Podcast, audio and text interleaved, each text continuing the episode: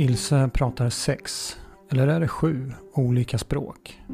Ändå vägrar hon först att prata svenska. Hon funderar på vad det är som hindrar oss från att skapa och varför vi inte använder all kunskap när vi ändå vet så mycket. Vi har ett samtal om forskning, innovation och vad det bästa med att ha en formsvacka är.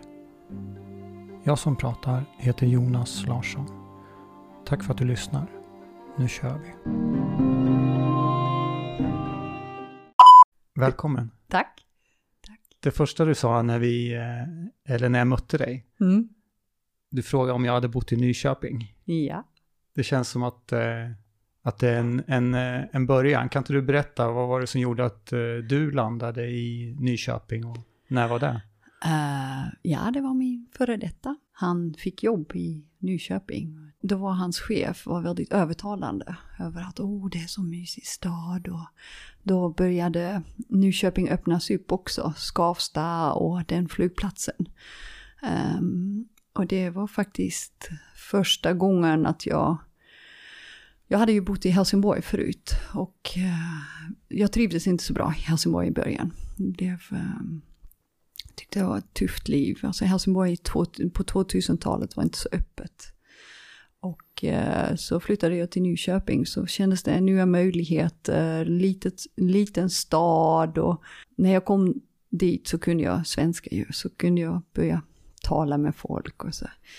När var- när var det här? Det var, det var i 2000, vad, när var detta nu? 2004 tror jag det var. 2004, 2005.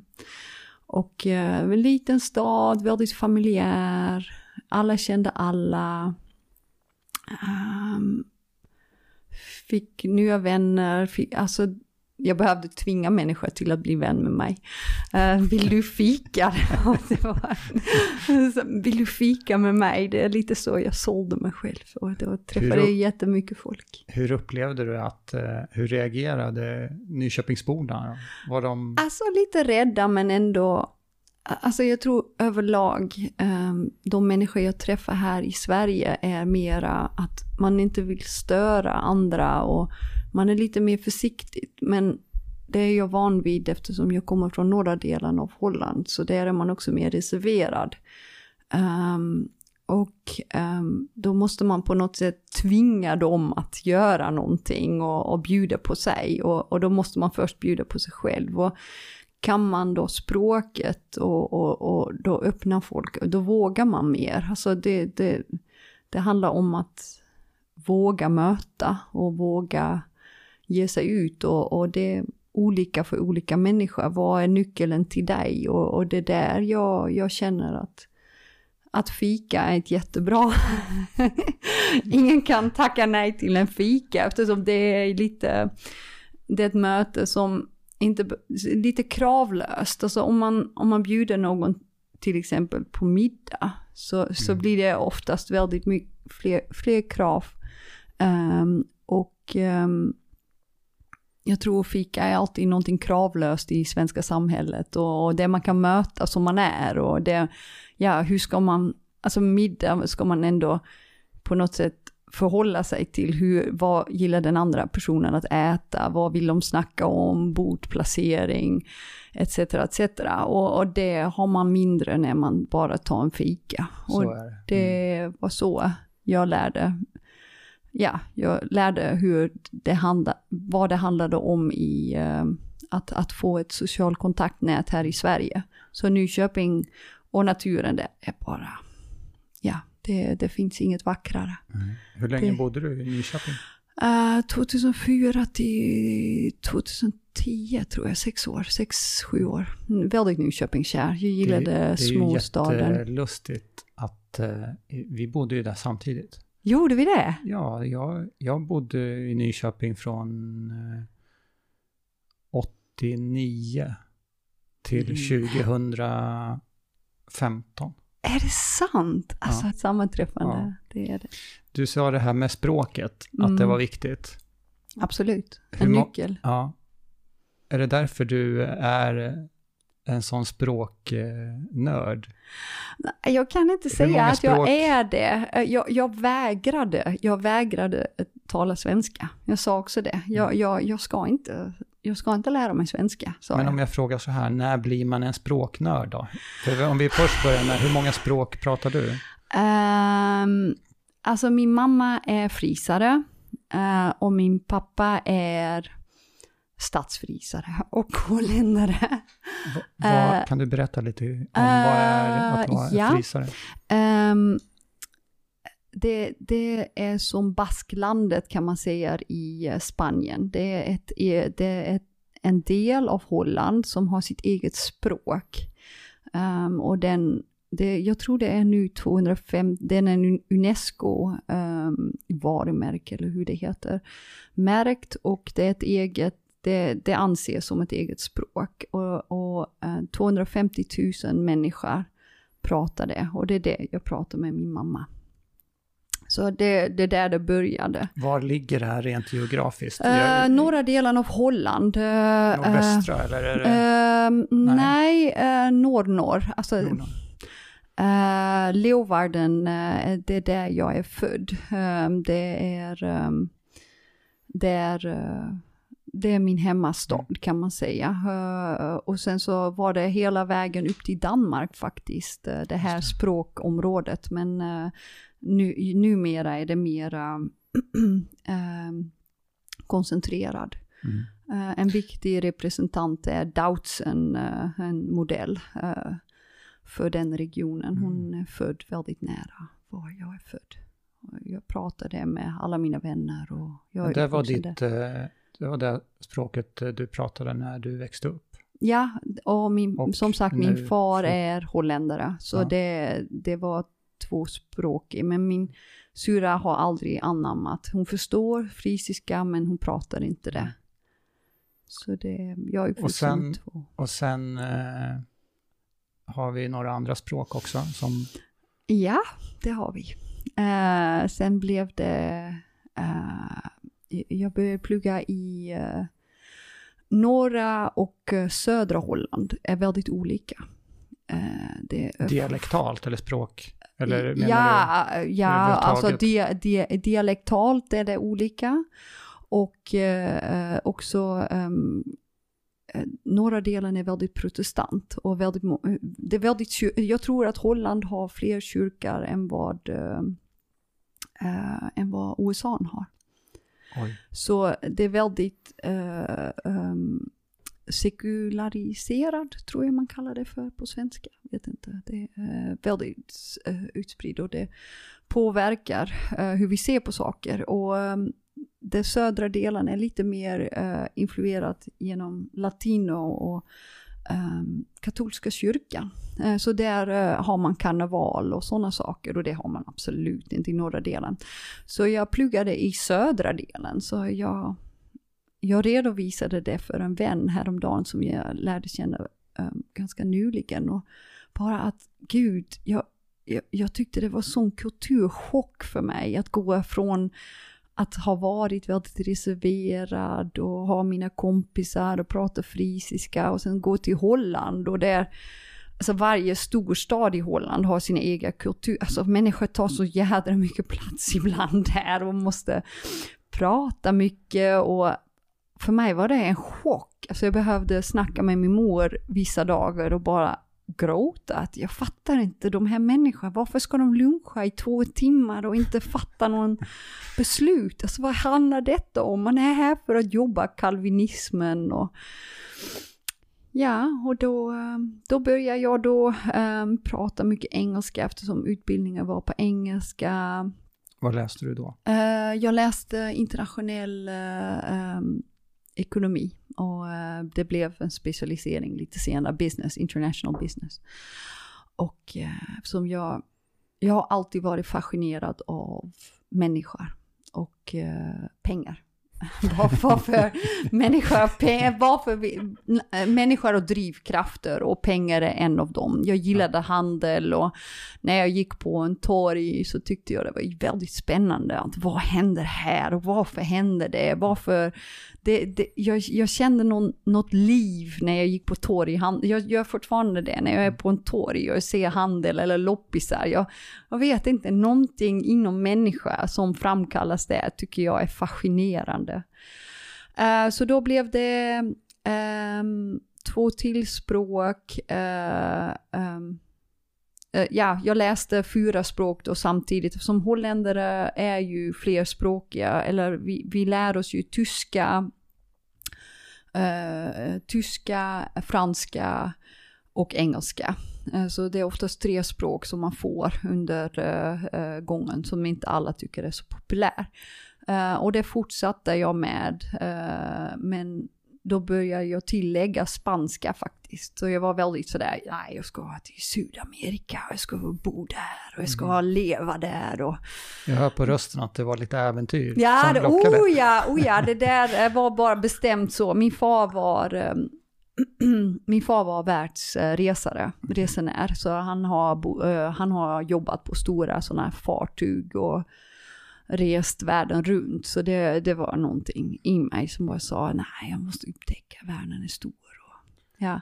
Men Sen- så det, om jag räknar eh, rätt så blir det sex, sju Ja, eh, Sex, språk. Ja, ungefär ja. Men Jag kunde väl de olika väl ju, det är ju det. Eh, det man pratar inte franska och spanska och jag blev också väldigt förvirrad. Franska och spanska är ju väldigt nära och besläktat så jag blev väldigt, min, jag tappade min franska när jag började med min spanska. Jag tänkte vi skulle prata lite grann om kreativitet. Mm. Möjligt att vi berör det existentiella också.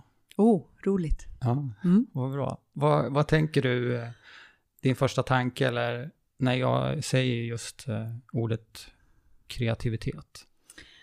Eh, skapande. Människors skapande förmåga att skapa någonting annorlunda. Så kreativitet för mig handlar om skapande förmåga. Det är utifrån det personliga, inte ifrån det professionella. Som självklart, eftersom jag jobbar med det eh, dagligen med innovation och definitioner och mätning av innovation och ehm, kreativitet. Så för mig är kreativitet är människors eh, skapande förmåga. Eh, och det, det, jag tror man ser det varje dag. Vad vi är, och jag har gjort intervjuer på Innovation in Mind som var i 2000, ska jag tänka lite, 2014.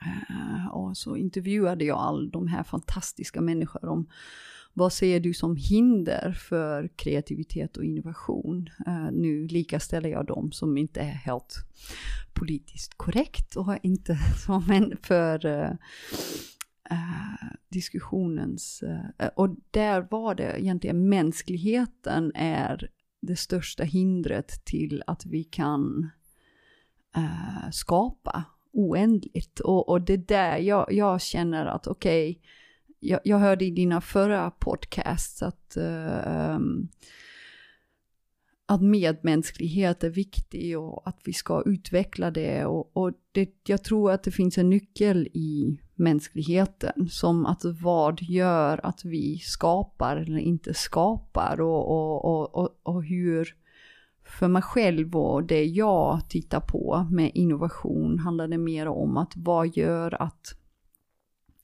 vi vågar samarbeta och dela med oss och skapa tillsammans. Alltså det, det, eftersom det var så otroligt 2014 vad jag såg. Alltså jag såg att vi kunde eh, ersätta, eller vi kunde göra celler, utav, hjärtceller utav en vanlig cell. Bara genom att programmera den annorlunda. Och den betydelsen som den kommer ha framöver, att vi kan ersätta oss själva och alla delar av vår kropp och vissa människor kan redan det. För mig är det fascinerande hur långt vi har kommit i vår skapande förmåga, alltså oändligheten är verkligen här. Men varför får vi inte tillgång till det? Och, och varför um, använder vi, varför är det så många människor som fortfarande är sjuka? Varför är cancer fortfarande någonting som finns? Alltså de, de frågeställningar med vad är meningen med skiten? Ja, alltså vad är meningen med att vi har all kunskap och allting är redan här och det enda vi behöver göra är att sammanställa det och göra det tillgängligt. Um, och det är svåra frågor. Det, det, jag, är inte, jag, jag är i frågan där. Att, och, men jag är positivt av mig själv. Att jag, jag, jag ser ändå att framtiden är ljus. Alltså det, det är ingenting att, vi, att det är mörk och, och jag är en framtidstänkare. Jag lyssnade på din podd med Klas och där var det också väldigt tydligt att um, ja, blickar inte för mycket bakåt men ser också framme och, och leva i nuet och um, jag tror det är en viktig nyckel i att okej, okay, allting finns, det är bara vi har inte löst hur vi ska sammanfoga och samarbeta kring resurserna. Ja. Du sa att eh, du, du gjorde skillnad på kreativitet utifrån ditt personliga perspektiv mm. och i din eh, profession då, eller i ditt... Ja. Och, och, kommer du ihåg din första, vad ska man säga, ditt första möte med, med kreativitet? Om det var som privat, eh, på ett personligt plan, att skapa någonting? Eller var det i eh, jobbsammanhang eller i studier? Uh, bra fråga. Um, jag, jag minns att, uh, jag tror det var på det personliga planet. Um, jag är ingen kreatör. Uh, alltså jag, jag um, eller inte i den vanliga bemärkelsen, alltså det konstnärliga kopplat till kreativitet, den delen har jag inte. Uh, jag har många idéer, um, men den kopplingen som också Claes Magnusson sa, med verkställning, så käppigt uh, eh, och av idéer, uh, den tog mig ett tag att arbeta upp. Eh, så jag hade väldigt fina idéer men det blev aldrig så i själva utförande att jag var nöjd. Alltså jag, jag blir inte nöjd när jag har eh, skapat saker och ting själv. Eh, projekt och leda projekt tyckte jag var jättekul. Eh, så där kan jag säga, där hade jag någon slags skapande förmåga att samordna människor och i projektform var jag väldigt bra, men jag, jag, jag kände, där var min kreativitet störst. Alltså i gruppsammanhang, som jag tycker gruppdynamik är inte favorit. Uh, jag känner mig också väldigt obekväm i grupper, så det, det är det som... Men där i de sammanhangen, mm. då fanns det vissa saker som redan var bestämda, kanske? Absolut. Eh, som du fick förhålla dig till. Eh, Absolut. Men ändå där du kände, upplevde du då att du hade möjlighet att eh, få utlopp för att skapa någonting inom, inom de ramarna så att säga? Eller? Ja, jag, jag, tror att det handlar, um, och det sa Maja väldigt väl i, i hennes podcast, att uh, um, intryck och uttryck. Och, och jag, jag, tror att för mig är det också att jag behöver också lite intryck. Alltså jag har mina tankar och idéer men ibland så hjälper det i samtalet att få dem att bli klarare och uh, att jag har väldigt svårt att, att förtydliga mig själv. Alltså sitter man med sina som jag gör nu. Eh, jag sitter med alla mina papers och försöker uttrycka mig själv vad jag menar och hjälper med den vetenskapliga debatten kring innovation och mätning och så vidare och så vidare. Um, och, men en tydliggörande hjälper i dialog och det där jag, jag känner där är kreativiteten föddes där för mig. Mm. Så det jag kunde vara behjälpligt, där jag hade en, en, en ett bidrag, en roll, en, eh, så jag, jag tror i, jag behöver ett sammanhang för att kunna skapa mer och för att kunna... Uh, så, så, kreativitet är inte någonting jag själv... Jag, jag, jag, känner att jag är kreativ och jag kan komma på kreativa idéer och sånt men uh, att få att se dem förverkligas som är innovation, alltså om man tittar professionellt på det så är professionellt sett um, um, kreativitet bara idéerna. Mm. Och så är det inte verkställning av idéerna, då går man in i innovation. Men mm. det likaställs oftast. Um, okay. så det där. Men jag tänker eh, två saker. Det ena är att uh, du sa ju själv just det där med att kreativitet kopplas ju ofta samman med ko- ska, att måla, Ja, det där klassiska. ja, Men att som vi också kan se att lösa ett problem eller att eh, driva utvecklingen framåt. Och skapa någonting nytt. Som, som sen i nästa steg skulle kunna bli något, någonting riktigt innovativt. Det är, det, det är också en form av kreativitet. A- Som, absolut. och där hör jag, hör jag rätt om du säger att, att du tycker att det samtidigt kanske inte är så mycket kreativitet. Utan att du hellre vill luta dig mot att kreativitet är just det här att måla en tavla mer. Nej, alltså jag, jag tror det här, jag är pragmatisk av mig, så jag, jag, jag gillar när saker och ting äh, verkställs. Ehm, så jag tycker att båda behövs. Eh, och, och, och jag vill inte... Nej, Man behöver kanske inte heller värdera. Nej, det, är det som- jag känner. Alltså, all, allt har sitt värde och bara eftersom du... Uh, och det är det jag tror att i näringslivet börjar bli mer och mer uh, medveten om det. Att um, vi värderar väldigt mycket som att okej, du är en konstnär så du har ingenting att tillföra.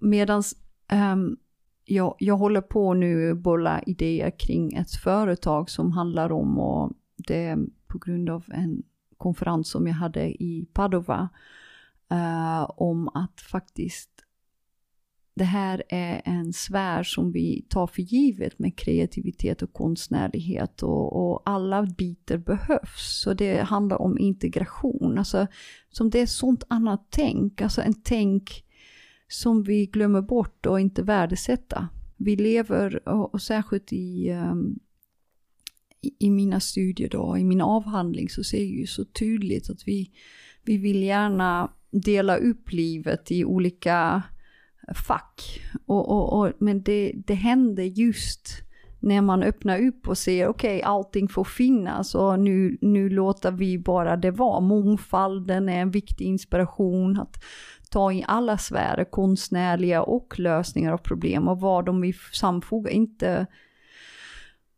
men hur man, vetenskapen är inte så glad egentligen att sammanfoga.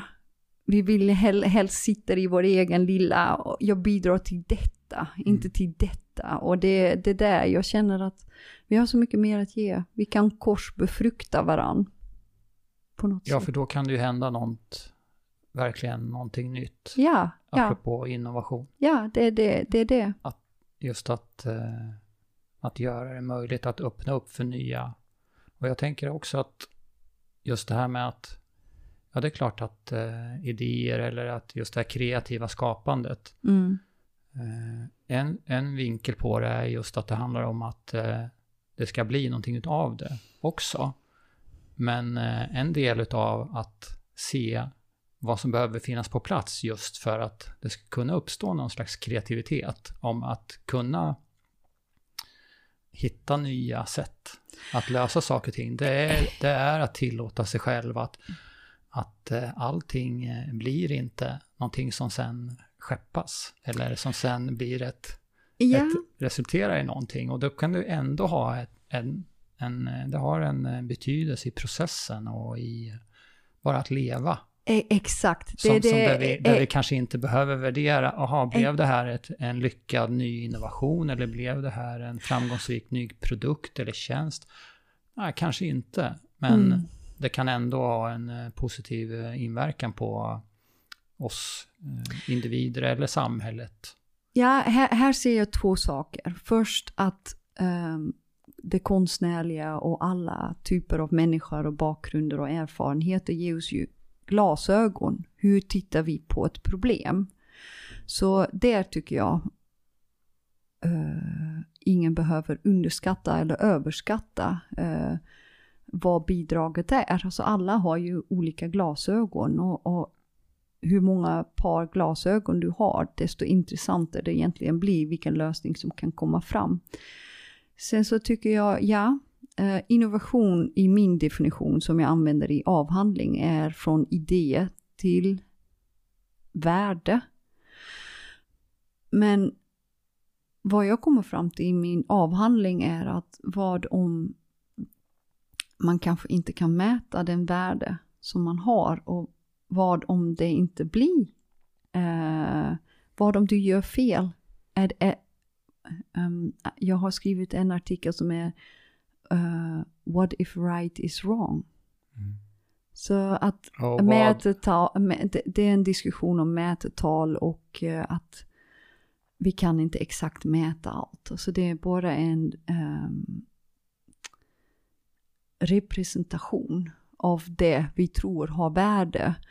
Och, och, det handlar också om vad du säger med resultat. Vad tycker vi är en bra resultat? Jag tror i en av dina podcasts så var det också någon som sa att ja, att inte värdera det som har gått så himla bra, men också se att njuta av resan och, och njuta av processen. Och, um, jag, jag, tror att där ligger någon nyckel i att även om det har misslyckats eller inte är mindre lyckat, uh, att vi värdesätter det. Men det är olika i olika kulturer. När jag var, när jag hade eget företag och uh, ja, jag um, lyckades inte bra. Jag, jag, jag, har inte lyckats. Jag hade aldrig drivit företag och uh, det var jättejobbigt. Det var jättekämpigt. Och uh, att, att få relians i det. Jag lärde mig massivt men det kostade en summa pengar. Kan jag, kan jag få sticka in en fråga ja, där? såklart. Om du lärde dig massor, kan man inte säga att du lyckades då? Jo, men alltså det där, det, det intressanta är att jag tjänade inga pengar. Och då Nej. är man inte ett lyckat företag. Nej, men vem äger rätten att definiera? Exakt, och det är där, där är meningen med hela skiten här. Att vad är värde och vad värdesätter du? Och, och alltså om jag blickar tillbaka, ja det var bara pengar. Men äh, ähm, att känna en tacksamhet över att min före detta har gett mig den möjligheten att utveckla det, att eh, jag har fått den tiden här i Sverige att utveckla min egen entreprenörskap, att vi är fantastiskt bra på att bygga upp saker här, att jag har fått en grogrund, att jag har många erfarenheter som jag har kunnat hjälpa företagen med. Alltså alla sådana saker eh, hade jag inte kunnat göra men det är det att värdesätta också en misslyckande. Det är där jag tror jag, det, det jag tycker är intressant. Vad är kreativitet? Ja, okej, okay, det är intressant och vad, men vad är förutsättningar för att känna sig kreativ? Det tycker jag också är väldigt, så inte bara titta på vad menar du, vad som behöver finnas på plats? Exakt, lite, ja, exakt att, eh, och det är det jag tror att uh, många av dina... Om vi ska mm? stanna där lite grann då. Mm. Vad, vad, tror du är viktigt eh, att, att, som behöver finnas på plats för att det ska kunna bli någonting, ett kreativt skapande? Alltså personligt eller professionellt? Uh, professionellt sett tycker jag det som Google tittar väldigt mycket på är psychology, um, psychological safety trygghet uh, är en förutsättning för uh, att kunna uh, skapa. Och, och, jag tror det är sant. Vi behöver en viss tension såklart, alltså vi behöver spänning för mellan vissa olikheter, men det måste alltid finnas en trygghet om att nej, du blir inte av med inkomst, du blir inte av med det ska inte finnas för många hot eftersom det gör inte att människor prestera 100% bra. Vi, vi skapar mycket, men det, det är mera den där utifrån ett överlevnadstänk. Problemet är att vi, vi i dagens samhälle är vi mycket mer i en överlevnadstänk än vi behöver vara. Alltså det, då tänker jag på den boken som en läkare um, skrev, jag kommer inte på namnet, eh, varför har vi det så bra men varför mår vi så dåligt? Ja, Nis, Nisse, Nisse ja exakt. Mm. Jag vet ja, inte om han, han, var läkare eller forskare. Hjärnan var i alla fall hans specialitet bland annat tror jag. Ja, och äh, det finns faktiskt äh, ähm, en väldigt bra bok som heter Behave, um, som vi lyssnade på en podcast på, som handlar om en kille som har tittat på um, Eh, Eh, bavianer i eh, Kenya, biologiska, eftersom eh, bavianer har det väldigt bra i Kenya. Så de, och de, eftersom de är så besläktat med oss så tittade han på stressforskning, det blev så av slumpen, stressforskning av när vi har det bra, vad, vad skapar vi människor med varann? Och det där, jag tycker det är en intressant nyckel, att det, det blir stress, det blir, vi försöker göra varann, plåga varann till en viss mån, så vi använder kortisol, eller vi, vi gör vissa beteenden som gör att vi gör varandra stressade eftersom det är lite bore out typer av syndromer där vi ändå med hjälp av eh, social klass och eh, maktsförhållande försöker manipulera eh, och göra varandra stressande. Så jag tror att det blir viktigare och viktigare förutsättning för kreativitet och innovation att, att eh, titta över det här med psykologiskt ehm, ehm, trygghet och, och jag tycker inte att vi har riktigt knäckt den koden eftersom vad jag ser nu som en av de främsta forskare inom mätetal är att vi bara håller på att hitta på nya mätetal för på något sätt ha koll. Men handlar för det... För att bekräfta gamla sanningar? För, eller för... Också. Eh, delvis. Eller varför, eh, varför vill vi, eller varför vill... Känsla av kontroll. Och kontroll leder ju inte till någon innovation generellt kanske. Jag tror att vi behöver ha någonting, en vision för att skjuta på något mål. Alltså du är själv idrottare så mm. du älskar ju också att jobba mot någonting. Um, så jag tror att det är någonting i vår mänsklighet som vi behöver uh, gå framåt och veta vart vi är på väg. Uh, sen så är ett mätetal inte alltid en bra medel. Ehm, och, och, frågan är varför använder vi mätetal? Använder vi mätetal för att kontrollera människor eller använder vi det för att inspirera människor? Och där tror jag att ledare har en väldigt viktig roll, eller um, chefer har en väldigt viktig roll med att se, okej okay, jag använder mätetal för att det här är min vision och det här, det är inte för att övervaka er, men det handlar om att vi vill uppnå detta som organisation. Och det, jag förstår chefer.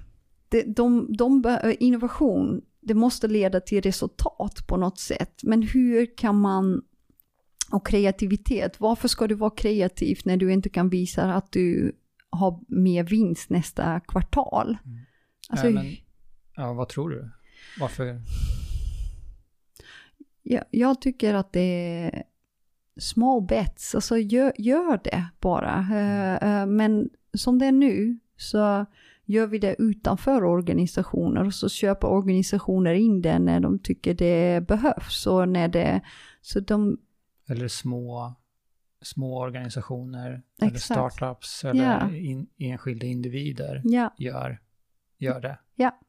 Ja, ja det, det, det är oftast. Men bra saker, eh, det tar ju lite tid, så det är väldigt svårt att eh, eh, skapa någonting kreativt, någonting nytt eller att eh, eh ja. leda utveckling i form av att eh, vara innovativ.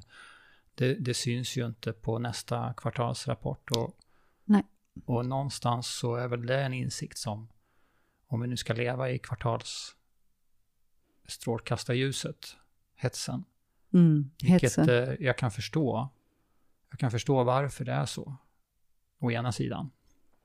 Eh, men konsekvensen att eh, priset vi får betala i form av att vi gör det som känns tryggt och säkert som går att förutspå i form av exempelvis ett kortsiktigt positivt resultat. Det blir ju på bekostnad av den kreativa utvecklingen. Eller kan bli i alla fall. Ja, och det tycker jag det intressant med att se, uh, jag, jag, tror det är där att vi vill så gärna att vi har mätetal som ska inspirera och som ska visa oss vägen framåt. Alltså, i have a dream, Gandhi, alla ledare, alltså de hade ingen mättal för att okej, okay, följa min organisation, Nej. det jag säger, men de, deras ord är fortfarande ledande. Och, och, och där tycker jag att okej, okay, hur skulle vi kunna kommer det någon gång finnas inom en organisation eller är vi så rädda för att göra fel? Eftersom det är det. Mm. Rädslan av att göra fel i innovation och kreativitet. Hur hanterar du det? Eftersom du tar en ganska stor risk när du är kreativ. Jo, men så är det. Och det, det, ska, det ska, jag tycker inte vi ska underskatta Nej. det. Men vi ska omfamna risken. Om vi vill eh, försöka. Exakt, och det, det tycker Det jag... Det, finns ingen väg runt eh, rädslorna eller eh, nej. riskerna, utan vi, vi, vi behöver. Ja, alltså å andra sidan tycker jag att vi tryggar ibland oss själva lite för mycket. Ja. Det, Jag tänkte på den, den kreativa processen. mm, Eh, den, den brukar ju beskrivas lite olika faser, mm, apropå trygghet. ja, ja, absolut. som, som jag tycker den är... eh, Och, och jag, jag tittade lite grann på det innan Mm. i, idag och Mm. eh, där, där den första fasen är ju this is awesome. Det är det första i den kreativa processen som, som händer, att man Mm. känner det. Och det andra är eh, this is tricky. Mm, Och sen följs det av att eh, this is shit. Och sen efter det kommer I am shit. Och sen kommer eh, this might be okay. Och sen vänder det till att eh, this is awesome. ah, Att Ja. det, just att det, det kan eller ofta går ifrån att den första känslan är att det är fantastiskt. Och sen så upptäcker vi att det är svårt. Eh, och, och sen så blir vi, börjar vi tvivla på idén och på oss själva. Att nej, det här Mm. är helt fel. mm, Och sen, nej men det kanske skulle kunna funka. Och i bästa fall, det här blir fantastiskt. Att, att där, den där processen, mm. det är, eh, eh, den är omtumlande. Ja, alltså det är med innovation och kreativitet är väldigt osäker. Och, och jag tror den att hantera osäkerhet är någonting man måste möta och han, hanterar i eh, kreativitet. Mm. Att du vet inte vad jag stoppar in om jag får ut någonting. Och, och vi talar inte tillräckligt om det. Och, och eh, vad är meningen med skiten? Är det viktigt att vi är kreativa? För mig är det viktigt. För mig, jag tycker det är så spännande att se eh, andra människors idéer och hur... Du skrev till mig innan i ett meddelande Mm, att du såg på det här att det här var ett, som ett äventyr. Ja, Att vi skulle ses så att du, du tog ut glädjen i, i förskott. Ja, eller du var jag. glad för det. ja, Jag tyckte det var, var talande. ja, Att- ja jag, jag tycker faktiskt det. Jag tycker att det är så mycket att upptäcka. Um, jag, när jag jobbade på SLU, på inkubatorn där, så... eh, I eh, Alnarp. I Alnarp. Alnarp som Eh, ligger, för de som inte vet, var, var ligger Alnarp? eh, ligger utanför Malmö. Ehm, där hittade vi på For You, eh, så 4U, eh, som skulle ehm, utveckla vår inkubationsverksamhet. Eh, och då var det att ehm, utforska, utforma, ut, upptäcka och uppmuntra. Så att vi hade alla bitarna med på något sätt. Kan du beskriva vad en eh, formsvacka är för dig? Ja, den frågan. Ja, jag hörde dig ställa det. Jag, jag, ser... Ehm, när jag hörde den först så tänkte jag på det min kusin sa. Han var reik, eh, reklambyråman och eh, var reiki-instruktör. Och han sa till mig att ja, din lågsta det, mm, vad heter det, svacka, din, din lägsta punkt är din högsta punkt. Eftersom från den lägsta punkten går det bara upp. Och det är väl någonting som har följt med att okej, ja, ibland så är det är det upp och ibland är det ner. Just nu är jag väldigt intresserad utav allt som eh, vad månen egentligen gör med oss. Som uh, följer jag månen väldigt mycket och um, jag tycker det är intressant att det, månen går, eh, där jag är ifrån, från eh, Friesland, där är det väldigt vanligt att man, man ser ju, man kan ju gå till öarna ut. Så när månen står på ett visst, på morgonen så kan det vara helt och hållet, ehm, kan man gå till öarna. Och då är det vatten på eftermiddagen. Så månen har sån otrolig påverkan på oss och vi är ju 70% vatten. Så den naturkraften och vad en naturkraft egentligen gör med oss. Och jag tycker att månen och naturen visar oss ju att, att eh, och, och, och, jag har också sett en forskare i Holland som, ja vi följer säsonger och vi följer naturen och vi följer natur krafter i våra dagliga, så en formsvacka för mig är att följa ditt naturliga flöde för att inte låta för new agey. Men uh, jag, jag, tror det är, det hör till. Alltså det hör till. Uh, jag tränar också en del, jag gillar att träna. Och styrketräna. Um, och, och när byggs det muskler? Alltså det byggs när man återhämtar sig. Det är inte när man man skadar ju sina muskler när man håller på med sina övningar. De går ju, de går ju bokstavligen sönder. Exakt. Mm. Så det där värdesätta, att man behöver sin återhämtning, tror jag för mig formsvackan är. Återhämtning och vila. Och, um, Hur reagerar du när du drabbas av en formsvacka?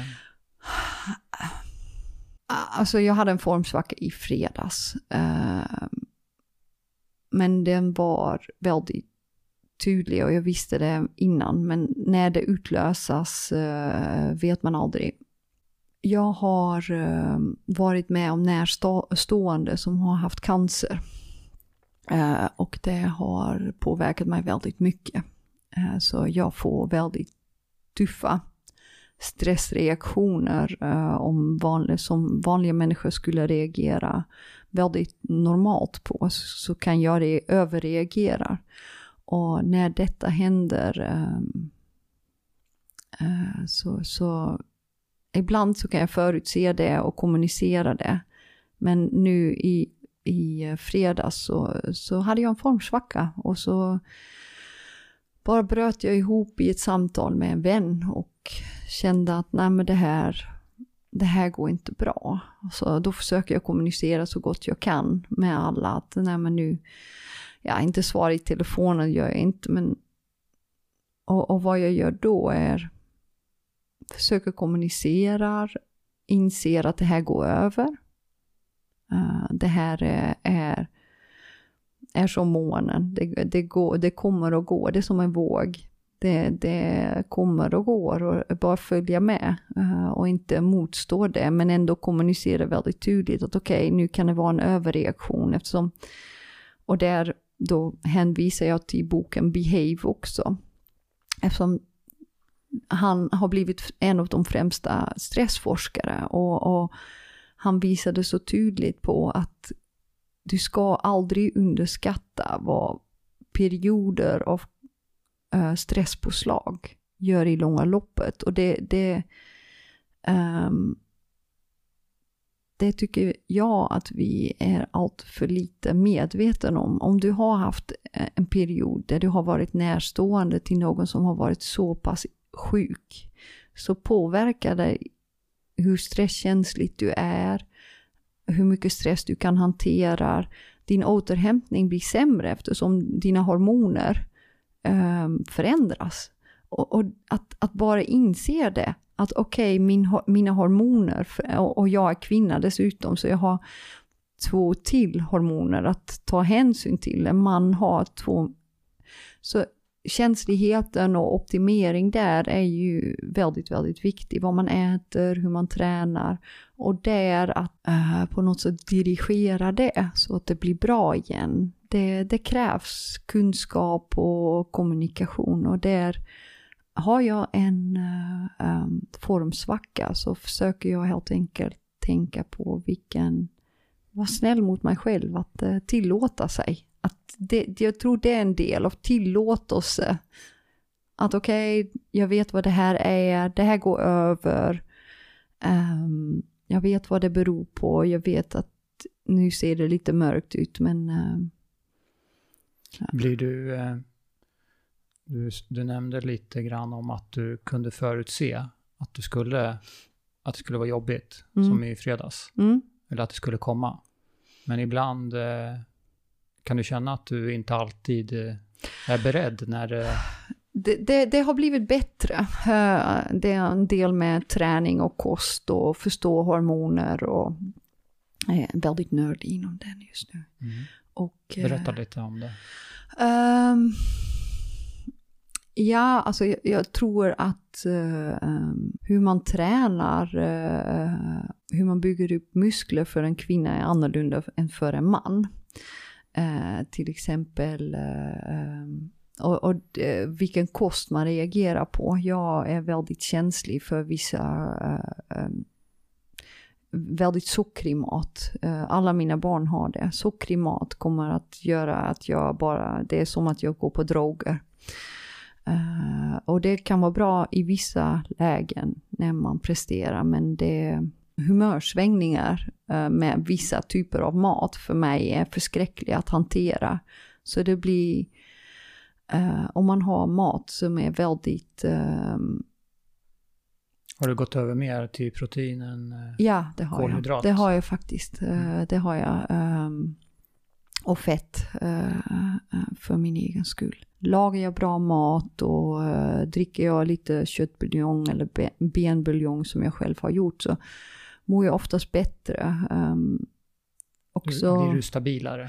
Absolut. Jag märker också att min mamma hade tarmcancer. Så jag är väldigt nojigt med att få det såklart. Uh, så att sköta min, uh, min hälsa där är också väldigt viktigt. Så jag äter probiotika och sådana saker, kimchi, kombucha hade jag en period. Och, och sådana saker försöker jag ändå tänka lite mer medveten. Uh, och det har faktiskt gjort att jag kan hantera mina formsvackor bättre. Men i början var det helt, det var förskräckligt. Alltså det, det var himla jobbigt. Då var jag eh, gravid igen och eh, um, fick äta allt och, och hade ingen koll på allt. Och då blev humörsvängningar, blev, jag, jag var fullständigt jag fattade ingenting. Jag, jag, kände inte igen mig själv och, och det känner jag nu vad var det som gjorde att, eh, att det vände eller att du började eh, eh, se på det annorlunda? Kost har varit en del av det, träning har varit en på, del. Hur kom du på att det är kosten jag behöver skruva faktiskt, på? Jag vet faktiskt inte. Det bara, det bara blev så. Det, um... Hur gammal var du då? Alltså, jag började med min första laborering när jag var 30 och jag flyttade från Nyköping till Helsingborg.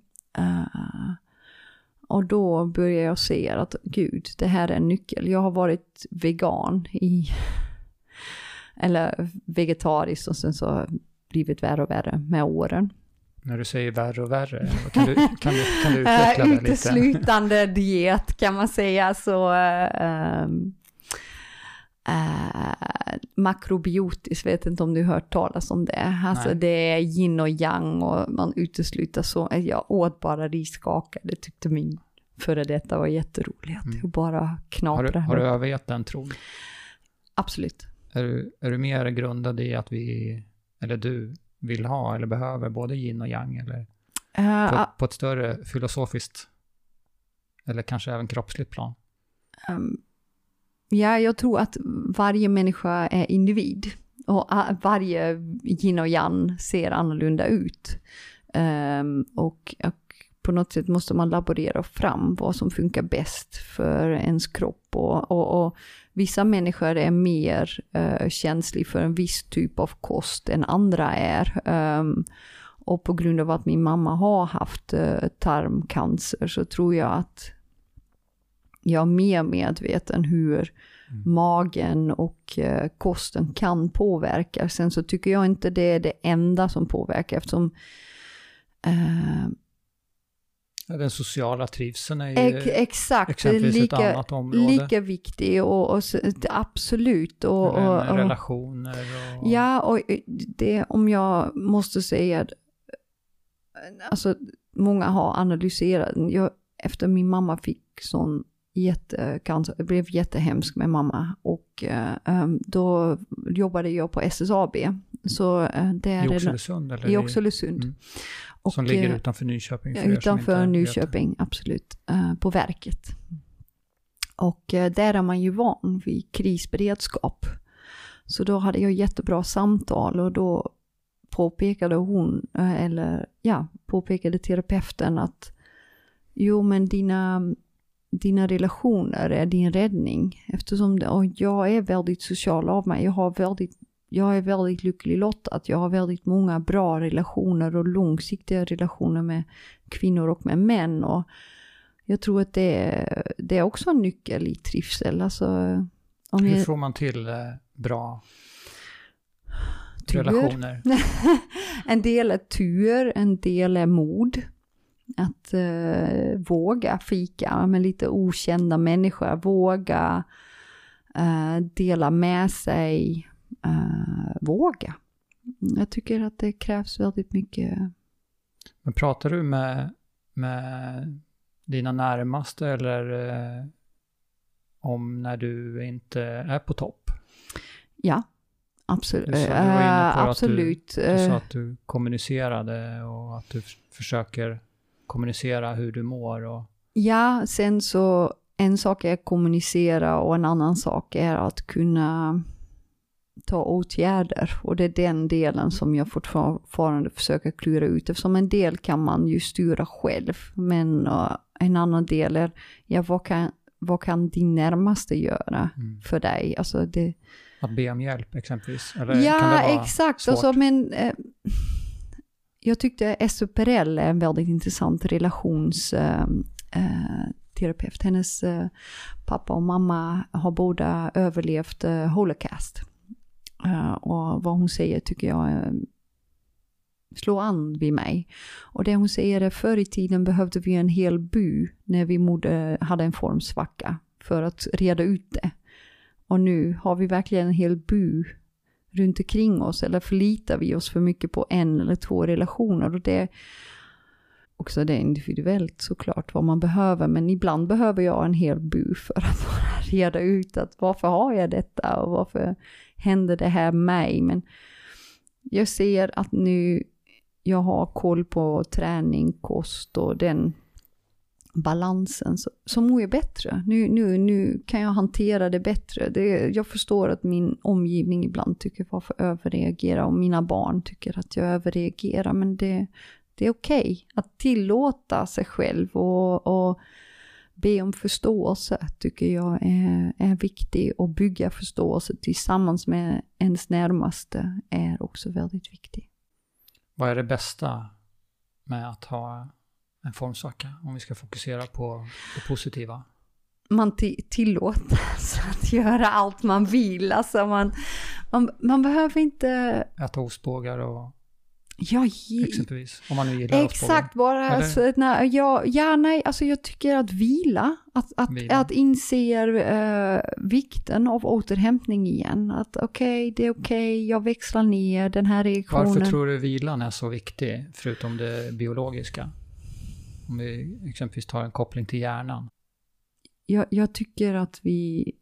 Det är därför jag älskar mitt yrke, eftersom reflektion är så viktig. Alltså det, Varför är det viktigt reflektera? Um, jag tror att man får tillgång till resurser som man annars inte har. Alltså det, det är det. Det, det är okej okay att, att, eftersom man måste tänka om, det är okej okay att ha den väggen, alltså att ha att kroppen skyddar sig själv på något sätt och säger bara nej, nu räcker det här. Det här, här, det här, här är det stopp. Här är behöver... det stopp och, och, och, jag är en fysisk person så jag måste ha den fysiska, nej, nu är det stopp, nu vill jag inte mer. Och, och, och jag tror att omformationen börjar där. Alltså att man på något sätt, eh, okej, okay, man har varit i en situation med attack och där man har skrivit och skapat och gjort. Och, och sen så behövs det också lite av det andra och det är njutningen av, alltså jag tror att man tillåter sig själv för lite av det goda av livet, att njuta eh, och ta emot det man har gjort. Och, och det där, att jag älskar rusa, men ibland kan det också vara okej okay att bara titta på Netflix och tänker inget, inte djupa tankar och tänker mm. ha en konversation om att oh vad roligt det var att barnen skrattade och, och vilken härlig tillfälle jag fick här. På något sätt någon slags uppskattning. Jag tror vilan och formsvacka för mig är en uppskattning om vad man har och inte ta för givet att man har hälsan. Formsvacka för mig är en, att stanna upp. Att och det behövs, det oavsett. Det är yin och yang, det, det, båda behövs. Och idrottare tror jag är väldigt medveten om, om, om, om hur det här fungerar och, och, och det är det som är... Ja, ja, ja, nu avbröt jag dig. Ja, nej, nej, nej, nej, absolut inte. Gå. Nej, men just, just det där att eh, det finns ingen idrottsman eller kvinna som inte har upplevt en formsvacka. Mm, exakt. Det, det, spelar ingen roll. Alla stjärnor har formsvackor. Mm. Det, det, är en del av vägen ja. till att eh, både prestera på topp och att, eh, att det går i cykler och att det är eh, utvecklings, att det är platåer och att det är till, det går, eh, det exakt, blir mo motgång, det exakt. fungerar inte, vi blir skadade, vi blir trötta. Vi behöver eh, göra på ett annorlunda sätt. Och... Ja, exakt. Och det är där också kreativiteten kan komma in eftersom det, det är där vi eh, förmågan om att vara återhämtar och att vara resilient som det heter tycker jag är väldigt intressant i oss människor. Varför klarar vi så mycket? Det, det är det jag tycker är fascinerande. Mm. Eh, hur mycket vi egentligen klarar. Har du hittat någonting eh, i din forskning? Någon koppling mellan eh, formsvackor, formsvackor och, och, innovation? Faktiskt, det har jag. Um, om vi misslyckas med vissa saker, med att styra innovation eller att synliggöra innovation, eftersom det handlar om det. Att vad är innovation och hur värdesätter och synliggör vi det med hjälp av mätetal? Uh, kan du då... utveckla det lite grann? Vad menar uh, du när du ehm, säger synliggöra? Um, jo, då, då eh, jag, jag börjar min avhandling med att definiera vad innovation är för mig. Och innovation för mig är utifrån forskning uh, att uh, föra någonting från idé till värde. och jag är utbildad som styrningsekonom. Det betyder att man är van vid att man mäter allting som har värde, även det som är osynligt. Measure the immeasurable. Och eh, ehm, uh, um, man, man lägger ju mycket pengar på att innovera eftersom företag vill ju förnya sig själv kontinuerligt så att de, vet, de är säkra på att de klarar sig själv framöver. Um, men hur på något sätt kan man följa upp det resultatet och, och där uh, om resultatet uteblir uh, i finansiellt och i resultat, uh, om, om finansiella resultat, låt oss vara helt konkret, Finansiellt resultat speglar ofta, oftast inte insatser i innovation. Det är där formsvackan finns. Så hur hanterar företag det? Och jag hade en jättebra diskussion med en... Um... Formsvacka skulle kunna också bytas ut mot motgång. Exakt, exakt. Det, det hade det kunnat, eh, eller bara en, en standstill. Alltså status quo.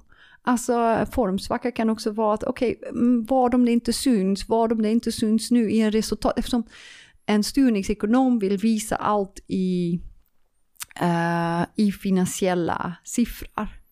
Och om det inte sker, som oftast är fallet med innovation, om, om det, det blir en status quo eller finansiella siffror visar en status quo eftersom de kan inte synliggöra och mäta det som pågår inom innovation. Så du kan ha väldigt kreativa team men de får ingen output och du mäter inte det och det kommer inte in i din resultat. Vad gör företagen då?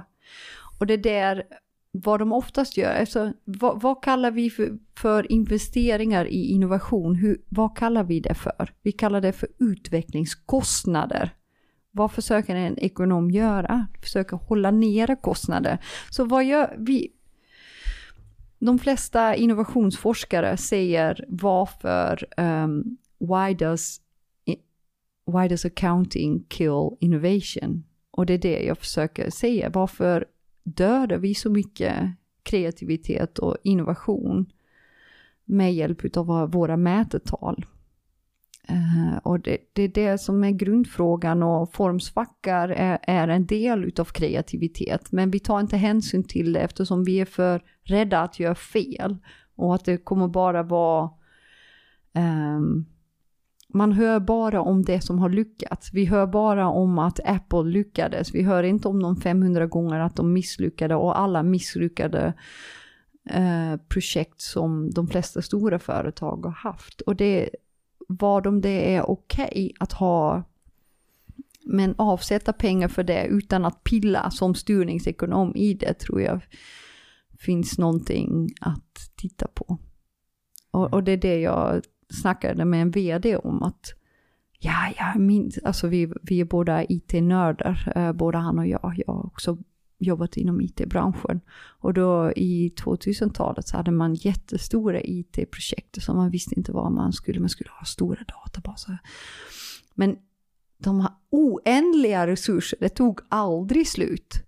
Och det, de, exempelvis för hårdvaruinvesteringar. Ja, hårdvaruinvesteringar, mm. allt man byggde på den tiden. Alltså det var ingen enda. Det fem år hade man bara lagt hur mycket. Men det gick ju rent fysiskt att ta på. Och exakt, eh, exakt. Det gick att skriva av och... Exakt, men de grejerna som de utvecklade på den tiden finns kvar idag. Så det är frågan, okej, okay, input, output vad vågar du satsa på? Och när börjar en styrningsekonom pilla i det? Förlåt att jag säger det så, men det, det är så det oftast är. Att när börjar man som ekonom bli lite nervös? Eller som ledning bli lite nervös över vissa eh, utvecklingskostnader? istället för innovationsmöjligheter. Och det, det, det, är väl den delen med en formsvacka. Hur värdesätter du en formsvacka? Hur kan du göra en formsvacka till en styrka och synliggöra det uh, som en styrka till ledningen. Och det tror jag en nyckel finns i innovation och det är um, det, det, det, är en tuff resa. Det är en tuff resa. Vad man ofta säger är, eh, ehm, eller vad jag har lärt mig av min avhandling och jag har haft fantastiska människor som har hjälpt mig med det, ehm, är att människor som är trygga i sig själv, som har gjort har lett innovation under längre period, oftast har intuitivt en känsla på hur det ska ledas. Så de vet hur, vad, vad för resurser de ska äska och räkna också med en formsvacka. Och det är där jag tror att det, kunskap och erfarenhet ligger när det gäller din forskning, mm. vad är, eh, har du något slags eh, önskescenario? Vad det ska leda till eller vad den ska leda till? Har du eh, sett, jag, jag tror att efter dessa år har jag blivit mer prestigelös och ödmjuk. Um, jag tror när jag var ung, nej, för yngre, uh, yngre mm. låt oss säga så, uh, så vill jag alltid, prestation var mycket viktigare. Uh, och att man på något sätt kommer i mål och, och det känns inte lika viktigt längre.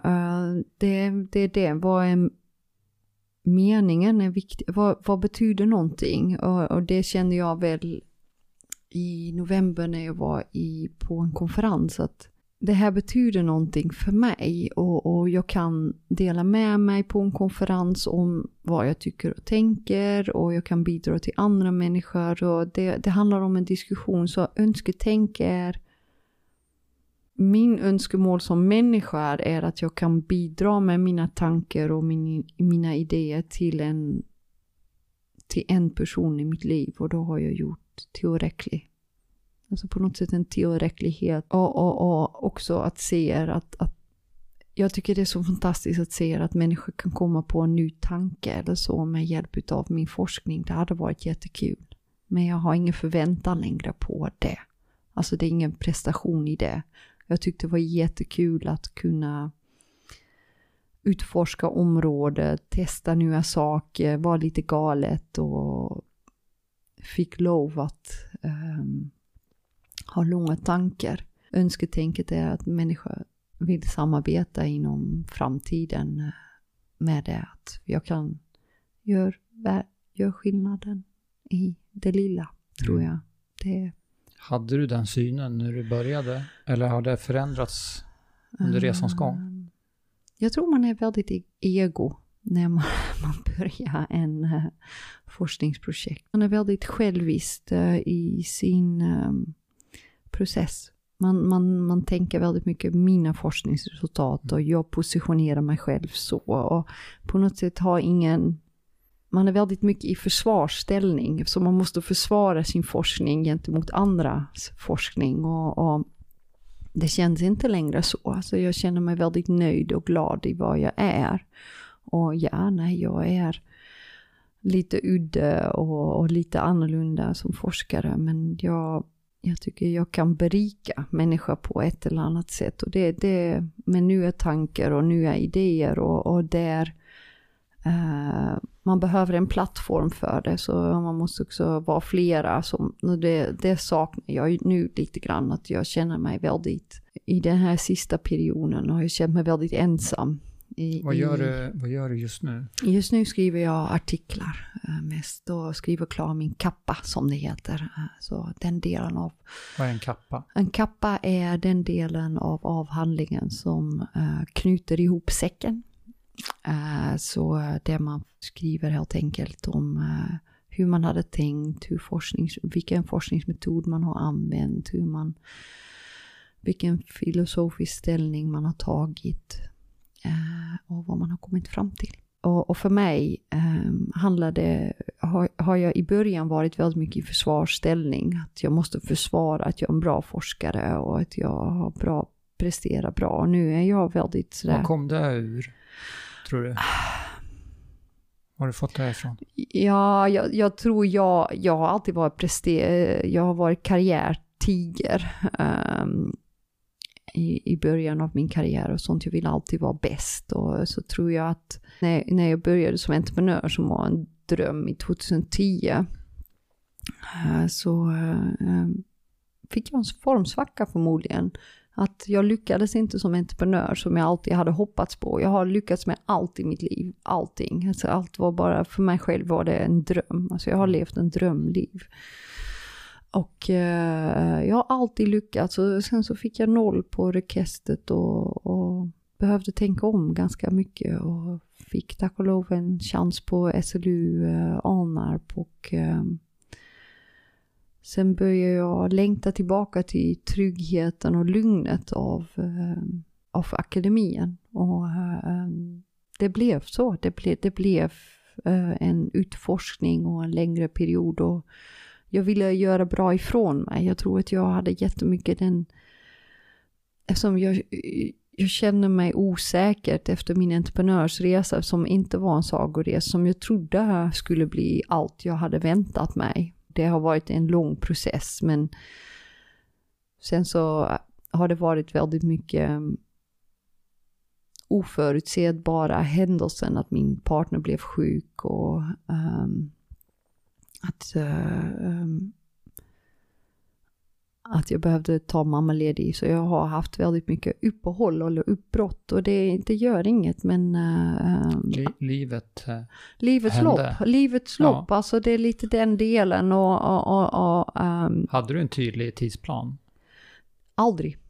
Inte från början, du såg inte... Nej, alltså vi hade en, vi har faktiskt, eh, Eh, och det här är väldigt ovanligt, vi har gjort exakt det vi hade eh, tänkt ut för sju år sedan. Och det, det, det händer inte.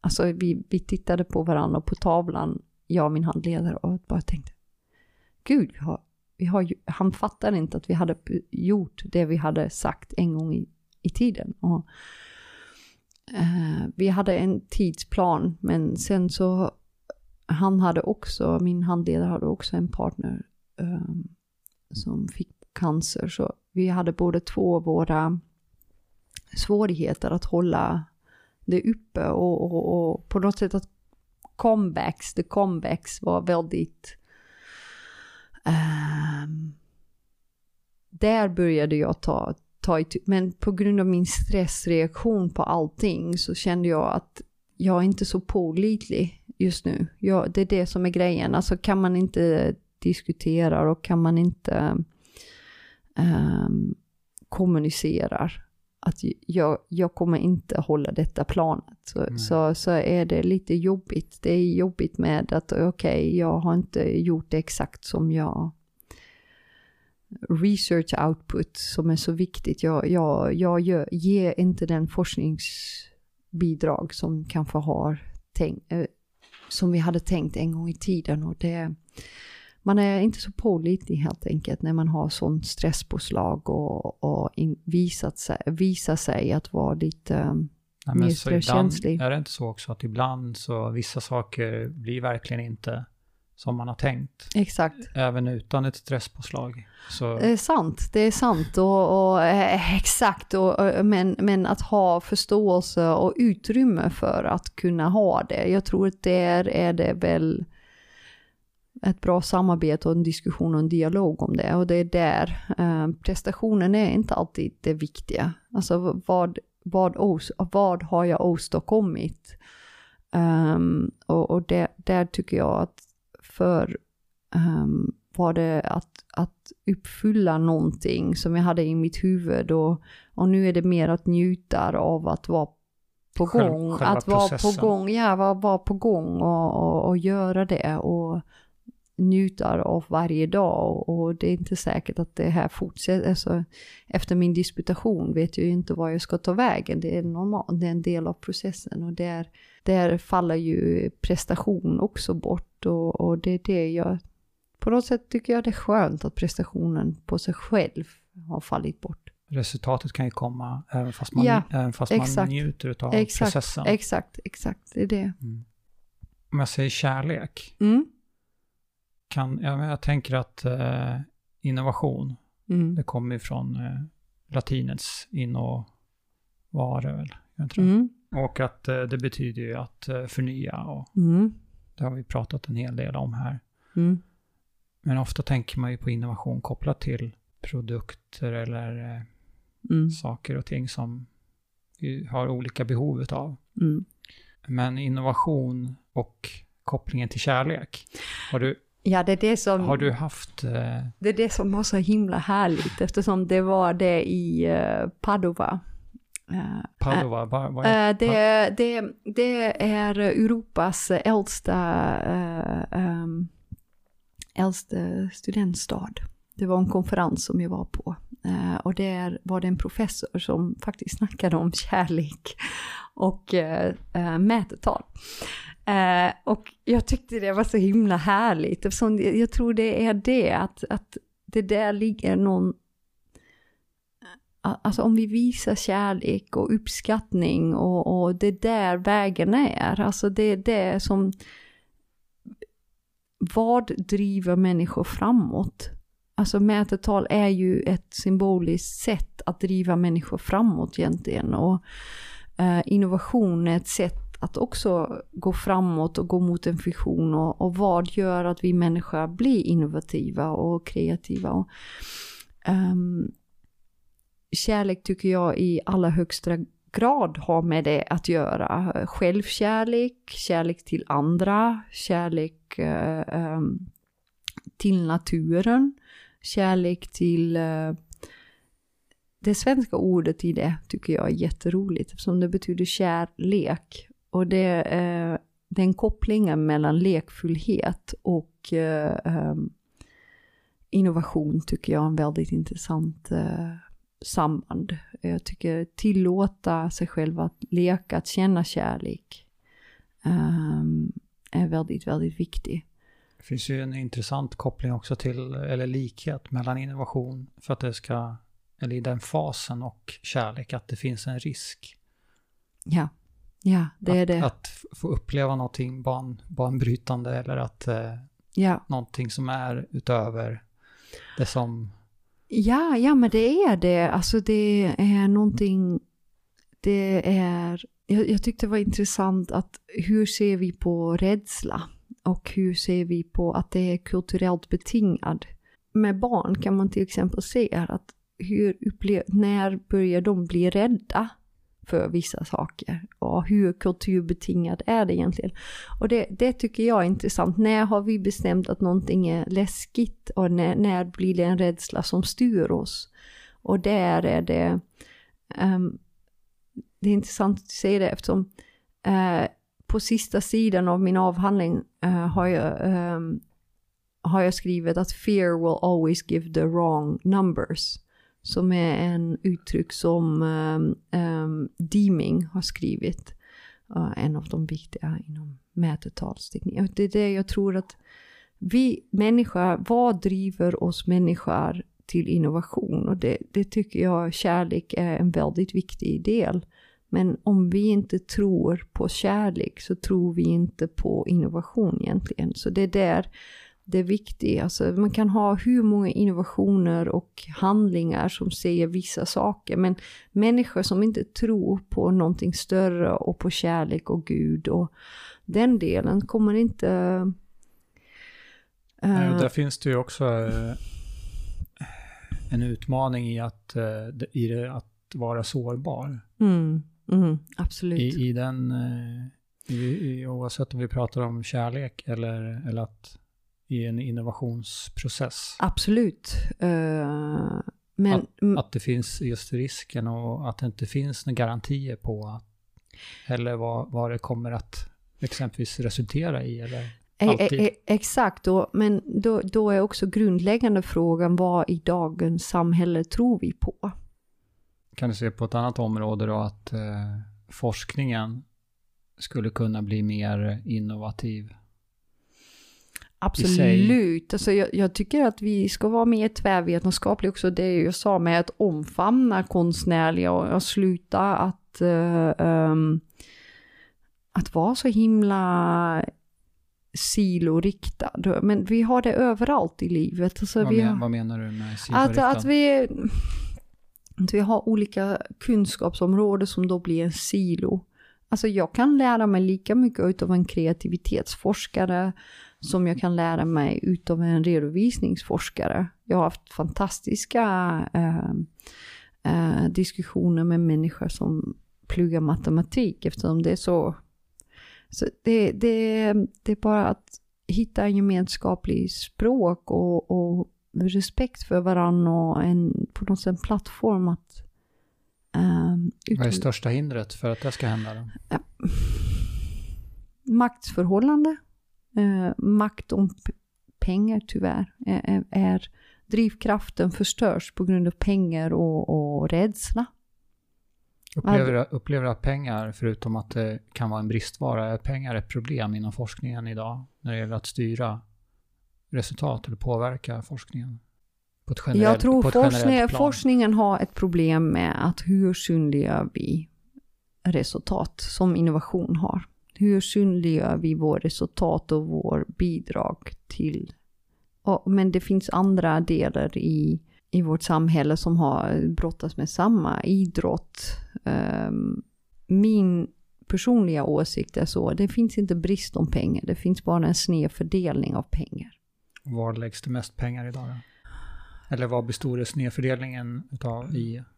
Tyvärr tror jag att vi lägger väldigt mycket pengar eh, på pladder. Det låter mm. jättehemskt men um, kontrollgrejer som är bara så onödiga. Byråkrati som är why? Varför måste man... Var det där du började prata om lite grann? Att, att det pratas eller att vi vet så pass mycket men vi gör inte? Nej, exakt. Det är det, det, det som är... Vi agerar inte utifrån det vi redan har kunskap inom. Jag tror att vi är väldigt förvirrade. Jag tror vi, vi Just är... sen- Ja, ju- just nu tycker jag det blir värre eh, på grund av att vi är för uppkopplade. Eh, jag tycker att vi är uppkopplat på ett sätt som gör att vi aldrig kan koppla av. Eh, vi är uppkopplade på ett sätt som gör att vi, vi har förlorat någonting, tror jag. Någon slags från, eh, vi är frånvarande väldigt mycket i våra liv och det är det att jag, jag tror det leder till problem. Kan du använda din logiska del av hjärnan till Ja. att, till att eh, ta kontrollen, känner du, över exempelvis det Jag tror, jag tekniska? tror att jag, jag har väldigt eh, mycket, och jag tror att de flesta forskare har det, på något sätt en intuitiv känsla av vad som går sned. Alltså jag tror att vi vet på något intu... Alltså ibland, räck- Ibland Einstein... räcker ju inte det riktigt. Vi kan veta någonting men sen så ska vi ändå klara Absolut, av att så ska vi, absolut. Och det där... Hur eh, funkar det för dig då? Ditt, Alltså ditt det, igen, jag behöver oftast andra människor för det. Uh, möte med an, andra människor, uh, hitta nya vägar. ehm, jag, jag tydliggör väldigt dåligt tycker jag själv. Alltså att vissa människor är bra att komma från ord till handling. Och, och där, ibland är jag bra på det, ibland är jag mindre bra på det. Och, På vilket sätt skulle du vilja vara bättre då? Ehm, ibland skulle jag vilja det jag har i mitt huvud att det skulle bli så i verkligheten, men så är det inte. Det är som human messiness som jag skriver i min avhandling. Jag tror det är sant. Så det är så mycket human messiness. Så ehm, ja, jag tror jag skrev en uttryck, alltså det blir aldrig så man hade tänkt sig, det blir alltid bättre. Alltså jag tror den typen av förhoppning, att jag försöker styra mig av det. Men, Kontroll kan ju vara många olika saker. mm. Så det kanske är... Eller hur ser du på när du säger att vi har tappat kontrollen? Mm, det, det är mera om det biologiska, tror jag, kontroll. Att vi förstår oss själva mindre och mindre. Vi har biologiskt ingen... Jag tror idrottare till exempel är, har väldigt, är väldigt medvetna om deras kroppar. Och eh, om, om jag menar kontroll så är det mera över... Jag tror att vi har tappat kontroll över hälsan. Det är viktigare hur man känner än hur man... Det, det visuella, alltså på något sätt koppla bort den delen. Så det är en annan typ av kontroll där, hade jag gärna velat se. Ja, det är, det är lite både fascinerande och eh, delvis skrämmande att, jag menar den tekniska utvecklingen Mm. och så parallellt om vi ser utvecklingen eh, när det gäller objektifiering eller Ja, som exakt. lite grann det du är inne på.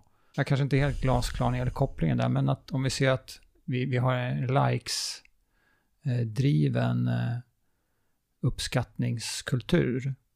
Som, som där, Mm. där vi genom vår osäkerhet eller där, det finns en sån stark tro att eh, om någon annan tycker att min kropp är tillräckligt snygg så, så eh, får, får jag tillräckligt många likes så då är jag godkänd eller då blir jag accepterad. Vilket är- hemskt tycker jag. Ja, också. Och sen så är det tillåtelse till formsvacka. Alltså jag to- tycker också att det eh, på något sätt premierar eh, em, prestation på något sätt. Och insats och eh, när man har presterat. Eh, och, och inte titta på, till exempel du får inga likes om du är deprimerad och sitter och äter praliné på din, eh, alltså det är ingen som kommer lajka det. Nej. Och det är den delen, att, men det är också att vara människa. Och, Och det är då en, en, en tråkig konsekvens utav ja, att inte få några likes. När Eh. vi talar om att vi mår dåliga, det är att eh, vi, vi uppmuntrar bara att prata om när allt är tipptopp. exakt. Och, och det, det där. ehm, Och trots att vi alla vet att allt är ju inte tipptopp hela tiden. Nej, och det där eh, ehm, att, att få tillåtelse till alla andra känslor. Och, ehm, jag, jag tycker inte, blir man verkligen lycklig av prestation?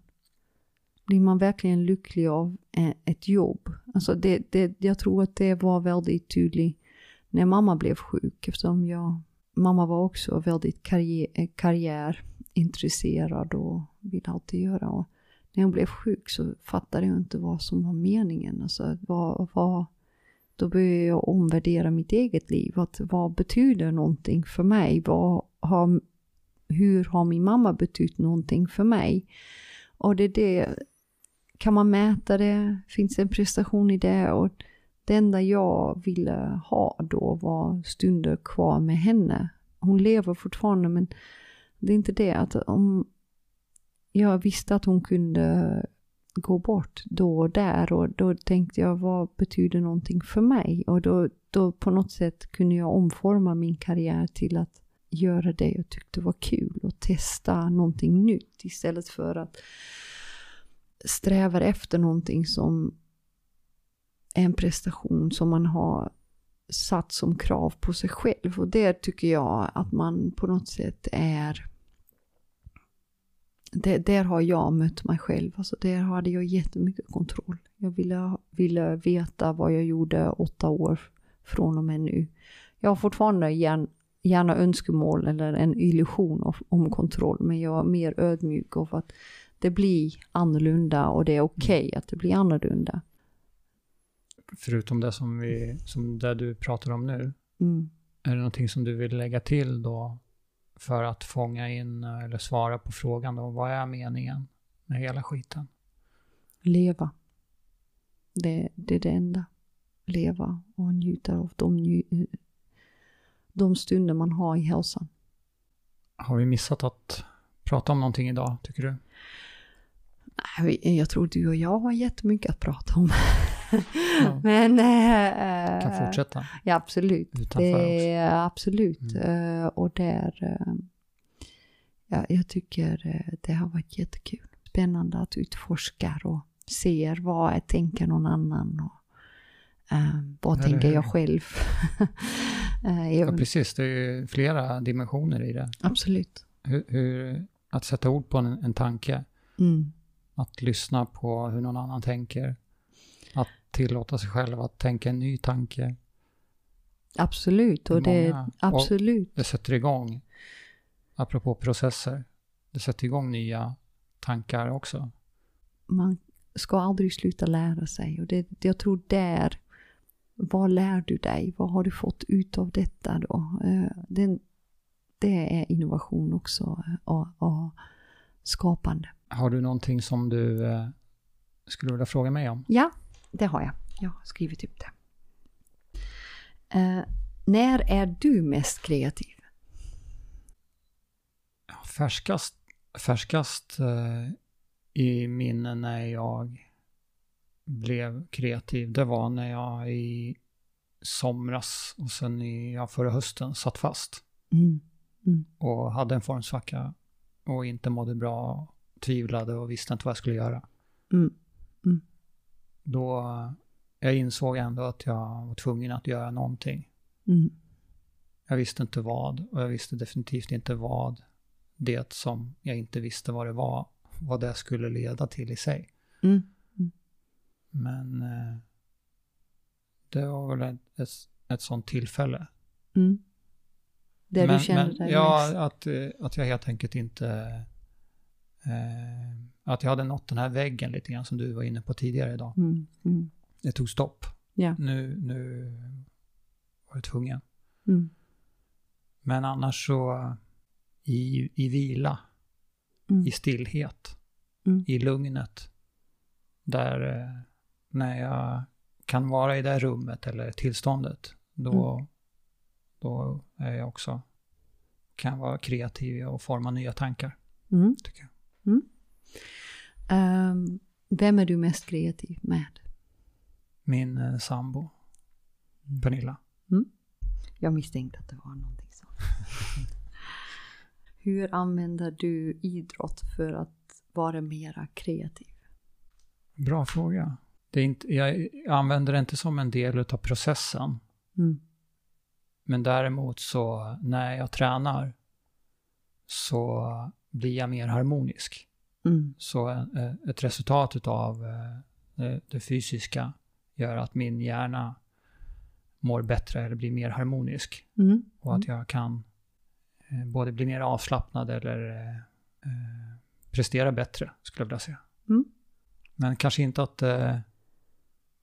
Fast det borde jag kanske... Borde man ju prova någon gång. Att, jag menar, kan du se en workshop framför dig att eh, vi tränar och så, så bryter vi, pausar vi för att skapa någonting. Absolut. Och så tränar vi vidare. Ja, jag, tror- jag tror det är... eh, Vi kanske det, har någonting där. Absolut. Det det är därför det kommer också nu med innovation walks Mm. och så vidare. Det, jag tror det, det finns någonting i träning och, ehm, och när man tittar neurologiskt såklart så, så stämmer det Mm. ganska väl överens. Frågan är, ska man vara själv eller ska man vara i en grupp eller hur ska den delen funka? Så det är spännande. Det är Mm. mycket. Det blir, lite, det blir lite olika resultat, har du helt rätt i. Men Mm. jag kan ju älska att eh, promenera eller springa. Mm, mm. Och att det är... Att, eh, att jag bearbetar saker och ting. Mm. Och sen kan, kan en ny tanke formas exempelvis, ja, dels under eh, det att jag tränar, men, men eh, efteråt i duschen eller, Mm. eller dagen efter. Som, Ja. Så att det, det, som att är fragment eller pusselbitar som, som eh, frigörs. Ja, det står i boken eh, Brain Rules, um, står det beskriven att eh, han tycker att vi eh, ska gå mer för att låta hjärnan göra sitt jobb på bakgrunden egentligen. Och vi, vi är ju vana vid att promenera mycket som människa. Mm. Så det är, ja, intressant. Ska vi säga så? Ja, absolut. Tack Ilse för Ja. att du ville komma och vara gäst. Tack Jonas för att jag fick vara här.